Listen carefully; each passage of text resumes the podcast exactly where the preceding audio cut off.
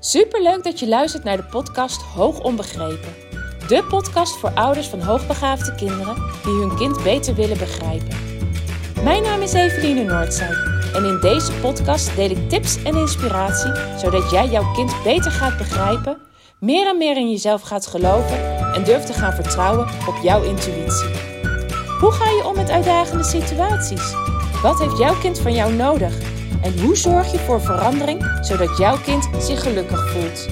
Ik heb er veel zin in om dit allemaal met jou te delen. Dus laten we voor vandaag maar beginnen.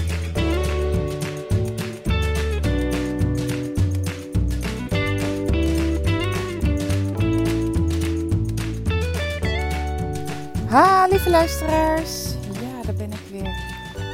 Even een kleine update van de afgelopen week. Vorige week nam ik natuurlijk de podcast op. En ik vertelde over ja, het traject dat we de afgelopen weken hebben doorlopen vanwege medische problemen bij een van onze kinderen. En ik vertelde ook over de operatie die inmiddels toen geweest was. Ehm, afgelopen weekend kwamen de klachten eigenlijk uh, weer terug. De, de reden waarom de operatie, ja, waarom ze daarvoor gekozen hadden, um, ja, was eigenlijk net zo hard weer teruggekomen. En dat betekende dat wij afgelopen maandag weer in het ziekenhuis zaten. Uh, op de polykliniek om te overleggen hoe nu verder. Nou, uiteindelijk heeft de arts een doorverwijzing uh, gemaakt naar het uh, Wilhelmine Kinderziekenhuis. En ja, zit, staan we eigenlijk op het punt van: oké, binnen nu en ik, naar verwachting twee weken worden we daar opgeroepen. Omdat ja, dit niet iets is wat op de, lange op de lange baan geschoven kan worden. En dat heeft gevolgen voor onze reis. Want we waren eigenlijk van plan om vandaag in de auto te stappen. Net de caravan daarachter. En een heel aantal weken richting Corsica en Toscane te gaan. Nou, die plannen hebben we eigenlijk uh, overboord gegooid. En dat ging ook heel vlot. Uiteindelijk is toch de gezondheid van je kind het aller, allerbelangrijkste. En uh, we hebben gezegd, ja, in deze toestand gaan we gewoon niet naar het buitenland. Blijven we gewoon hier. We kunnen elk moment opgeroepen worden. Daar willen we dan ook echt gebruik van maken. En uh, nou ja, dan, uh, dan zijn er andere plannen. En die zijn heel snel gemaakt hoor. Wat dat betreft ben ik behoorlijk flexibel. En gaat iedereen in het gezin daarin ook altijd wel mee. En heb ik ook alweer genoeg andere ideeën. Dus nu gaan we een rondje Nederland doen. We halen vrijdag de caravan, koppelen hem zaterdag aan en we beginnen in Oudorp. En het idee is om dan vanuit Ouddorp naar België te rijden, uh, Brugge Gent uh, aan te doen. Vanaf daar naar Maastricht te rijden. Ik wil al heel lang met de kinderen naar de grotten in Maastricht. Um, en vanuit daar via Noord-Limburg richting Groningen te rijden. En uh, nou ja, misschien dat we daartussen ook nog wel wat doen. De kinderen hebben in ieder geval genoeg ideeën van wat ze allemaal willen. Dus uh, plannen zat. En ja, zodra wij dus de oproep krijgen en na het WKZ moeten, ja, dan kunnen we daar ook gewoon heel makkelijk naartoe. Misschien zetten we dan zelfs de caravan daar wel in de buurt. Uh, alles is nog open. En uh, ja, prima. Zeker met dit mooie weer is het allemaal ontzettend prima om in Nederland te verblijven. Geen enkel probleem. Nou, dat is even een update over onze situatie. Um, waar ik het vandaag met je over wil hebben, is eigenlijk heel erg bespreken van een vraag die ik afgelopen week kreeg van een moeder. Ik had haar kind onderzocht op die dag. En zij stuurde mij nog een berichtje na afloop van: Goh, we hebben al een heleboel net besproken. Maar ik heb eigenlijk nog een vraag, die ben ik je vergeten te stellen. En ik ben heel erg benieuwd naar jouw mening, hoe jij daarnaar kijkt. En het gaat over het volgende. Uh, hoe kijk jij aan tegen trajecten, tegen behandelingen waarbij het kind eigenlijk ja, bepaald gedrag afgeleerd wordt en nieuw gedrag aangeleerd wordt door, door middel van een kind apart te zetten of te straffen? En ja, daar heb ik wel mening over. Ik, uh, ik heb haar dat ook gedeeld en ik ga dat vandaag ook met jou delen. En dat is als volgt. Ik ben, en misschien komt het ook niet als verrassing als je vaker naar mijn podcast luistert. Ik ben geen fan van dit soort behandelingen, trajecten. Ehm, ze zei ook ja, maar door de behandelaars wordt aangegeven dat het wetenschappelijk, uh, ja, dat er wetenschappelijk bewijs voor is.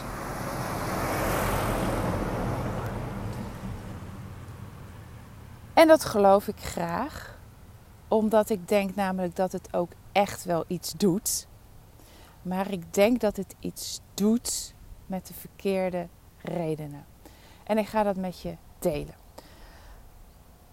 Dit soort behandelingen, maar ook het straffen en belonen thuis valt hieronder waar ik geen voorstander van ben. En dat heeft alles te maken met het feit aan de ene kant is dat je gedrag ziet als iets negatiefs. Als iets wat er niet mag zijn, als wat niet hoort en waar een kind op bestraft moet worden of wat afgeleerd moet worden. Ik heb daarin een hele andere visie, namelijk dat gedrag een manier van communiceren is. Uh, wat we vooral zien bij, bij kinderen. Um, maar in mijn ogen zien we dat ook nog steeds bij volwassenen. En dat wil iets zeggen. Er ligt namelijk iets onder. Het wil je iets vertellen wat nog niet met woorden gevat kan worden. Of een kind weet nog niet welke woorden het aan daaraan kan geven. Maar er speelt iets in het kind uh, wat serieus genomen moet worden. En wat enkel en alleen maar geuit kan worden met bepaald gedrag. Waarvan ik nog steeds vind dat het kind gaandeweg de tijd kan en moet leren om dat gedrag om te gaan zetten in woorden. Maar dat gaan ze pas kunnen naarmate ja, ze ouder worden, ze beter de taal aan hun gevoelens kunnen geven. Maar dat vergt oefening, dat vergt voorbeeldgedrag, dat vergt stap voor stap met de kinderen dat doornemen en bespreken. Tenminste, zo is wat ik er naar kijk. Maar op het moment dus dat je kijkt zoals ik kijk, namelijk dat, dat gedrag een vorm van communicatie is, dan begrijp je ook dat je die communicatie niet uh, weg moet proberen te krijgen door middel van straffen, door middel van duidelijk maken aan het kind dat het dat niet mag vertonen. Want daarmee ontneem je het kind de kans om zich te uiten. En veel belangrijker is dan om te kijken van oké, wat laat mijn kind nu zien? In welke situaties laat mijn kind zien? En wat probeert mijn kind daarmee mij te vertellen? In mijn ogen is dat vele malen effectiever dan gedragingen, de communicatie van het kind af te straffen. Nou, dat is de ene kant van het verhaal. De andere kant van het verhaal is dat op een gegeven moment, ehm, als je de consequenties aan het gedrag verbindt, in de vorm van straffen, apart zetten, ehm, je het kind leert om zich aan te passen. En als één van de grootste problemen bij hoogbegaafde kinderen is, is dat er een bepaalde groep van deze kinderen zich continu aanpast. En met name zie ik dat heel veel uh, op school, dat het aanpassingsgedrag op school heel groot is. Uh, dan mag je blij zijn dat er nog gecommuniceerd wordt, ook al is het met gedrag in de thuissituatie, uh, want dan geeft je kind tenminste nog iets aan. Ik krijg ook vaak genoeg kinderen die zo aangepast zijn dat ze zich zowel op school niet meer uiten als in de thuissituatie niet uiten. En ik vind dat vele malen gevaarlijker. Want een kind wat zich niet meer uit en continu aanpast, gaat over zijn eigen grenzen heen. Weet op een gegeven moment niet meer wie die zelf is. En doet vooral alles omdat het denkt dat het maar verwacht van hem of haar wordt. En een kind wat zich op die manier gaat kwijtraken of kwijt is geraakt, ja, daarvan kan je verwachten dat er psychische problematiek om de hoek komt kijken. En dat is natuurlijk absoluut niet wat je als ouder wil. Dus alle therapieën, behandelvormen, eh, maar ook je gedragingen thuis die gericht zijn op het afstraffen en dus daarmee aanpassen van zichzelf, zal ik niet toejuichen.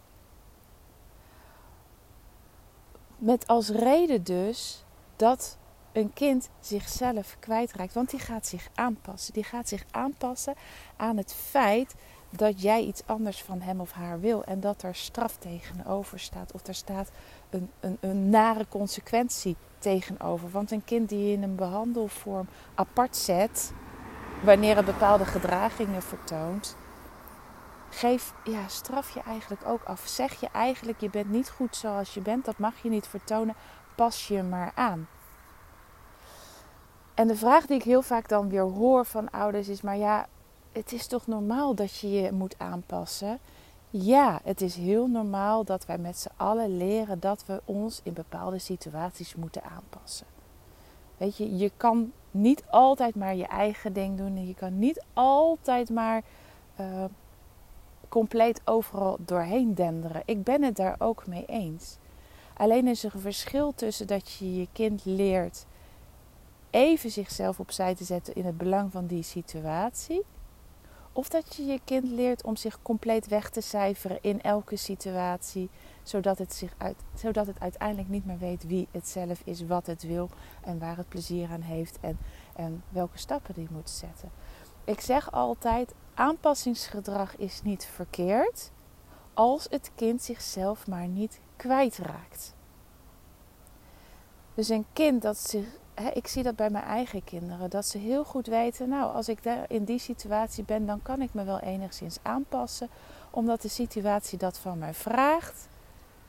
Maar ze gaan daarbij niet compleet over hun eigen grenzen. Want als dat is wat er van hen gevraagd wordt, dat ze compleet over hun eigen grenzen gaan.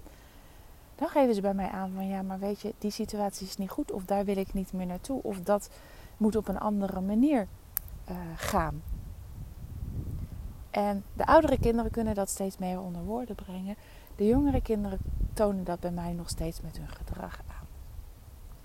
Of met boosheid. Ik ga daar niet meer naartoe, want ik heb daar geen zin van. Weet je, het zijn allemaal signalen. En het mooie ervan is, is als je naar die signalen gaat luisteren, jij je kind ook kan leren om zich in bepaalde situaties aan te passen zonder het zichzelf geweld te moeten aandoen zonder zichzelf kwijt te raken. En, en dat is een, nuance die je maakt, maar die nuance kan je alleen maken door het gedrag van een kind serieus te nemen, er met het kind over te praten en samen tot een oplossing te komen. En het enkel sec afstraffen van gedrag omdat het er niet mag zijn, leidt heel vaak tot kinderen die zichzelf kwijtraken, zich compleet aanpassen, met alle gevolgen van dien. En ik zie ze echt met grote regelmaat in de praktijk. En dat is niet wat je wil. Dan is het ook niet raar ehm, dat er bepaalde psychische problematiek uiteindelijk om de hoek komt kijken. Want wanneer jij jezelf compleet kwijtraakt, dan ligt een depressie echt heel erg dichtbij heel veel volwassenen die nu ook zeggen: Ik weet niet wie ik ben, ik weet niet wat ik wil. Die hebben nooit geleerd om, om op zichzelf te vertrouwen en, te en te, zichzelf te leren kennen. Daarbij mocht ook heel vaak, als ik dat doorvraag, bepaalde gedragingen die niet zijn, dat werd afgestraft, dat werd niet getolereerd, dat mocht er niet zijn. Met alle gevolgen die ze nu nog hebben. En het enige is dat je jezelf weer opnieuw moet gaan ontdekken. En, nou, en dat is denk ik, uh, in ieder geval wat ik voor heel veel kinderen niet wil, voor alle kinderen niet wil, uh, is dat ze dat traject in moeten wanneer ze volwassen zijn. Ik wil dat ze zichzelf nu leren ontdekken. Ik wil dat ze zichzelf nu leren kennen. En ik krijg dan ook wel eens de vraag van ouders: ja, maar straf jij dan nooit? Ja, dat vind ik een lastige. Dat is de vraag wat je onder straffen uh, verstaat. Maar ik stuur mijn kinderen echt wel eens naar hun kamer. Als ik al zo vaak met ze gesproken heb over bepaalde gedragingen, Ehm, en we hebben ook allerlei alternatieven daarvoor bedacht. We hebben, eh, er is aandacht voor geweest. We hebben gekeken hoe dat anders te doen. We hebben er maar met elkaar over gesproken. Uh, maar het gedrag blijft voortbestaan. En het sec benoemen van mijn kant leidt niet tot gewenst resultaat. Dan zeg ik wel eens van oké, ehm, we hebben het er nu zo vaak over gehad. Ik heb je er nu ook aan helpen herinneren. Ehm, ik stuur je nu even naar boven, dan kun je daar even over nadenken. Dan hebben ze even dat moment nodig om te beseffen: oké, weet je, het zijn niet alleen maar loze woorden, ik moet er ook iets mee. Um, ik moet ook zelf ergens ja, voor gaan inzetten. Um, maar dat is wel altijd vanuit verbinding en daar zit altijd wel een heel traject voor. Maar het is dan even een reminder voor hen van oké, waar ben ik nu mee bezig? En hoe kan het anders? En, en ook wel van, ik moet ook zelf wel ergens me voor gaan inzetten om bepaald ander gedrag te kunnen gaan vertonen. Maar ik straf het niet af in de zin van, stop er maar mee, ik wil het niet hebben, je mag er niet zijn. En, en ik, ik, ik luister er niet naar. Nee, dat is het traject wat ik daarvoor al lang met zo doorlopen heb. Dus uh, weet je, er zitten echt wel nuances in. En ook hoe je ermee om moet gaan. Ik merk bij mijn eigen kinderen dat eindeloos erover praten ja, soms totaal niet effectief is. En dat ze echt even dat moment nodig hebben van... Oh ja, het is, dit is wel echt even serieus. Er wordt van mij wel even iets anders verwacht. Uh, maar altijd vanuit die verbinding met elkaar. Ze weten ook altijd Ehm, dat ik dit ga doen. Omdat ik dat van tevoren uiteindelijk ook met ze bespreek. Van joh, ik zie, ik zie geen veranderingen. En de rest van het gezin heeft er ontzettend veel last van. Ehm, er zijn ook andere manieren om hiermee om te gaan. Maar ja, als jij daar niks mee wil op een gegeven moment, dan ga ik je toch even echt wel stoppen. Ter bescherming ook van de rest van het gezin. Um, dus nou ja, ik hoop dat je de, nuance, de hierin kan horen. Ik ben niet compleet van, hè, je mag je kind niet even op een andere plek zetten. Je mag, maar altijd met het traject daarvoor, met altijd met oog voor het gedrag van het kind. Altijd met oog van wat wil het kind nu met, tegen mij uh, zeggen hiermee? Wat wil het communiceren? Waar heeft het last van?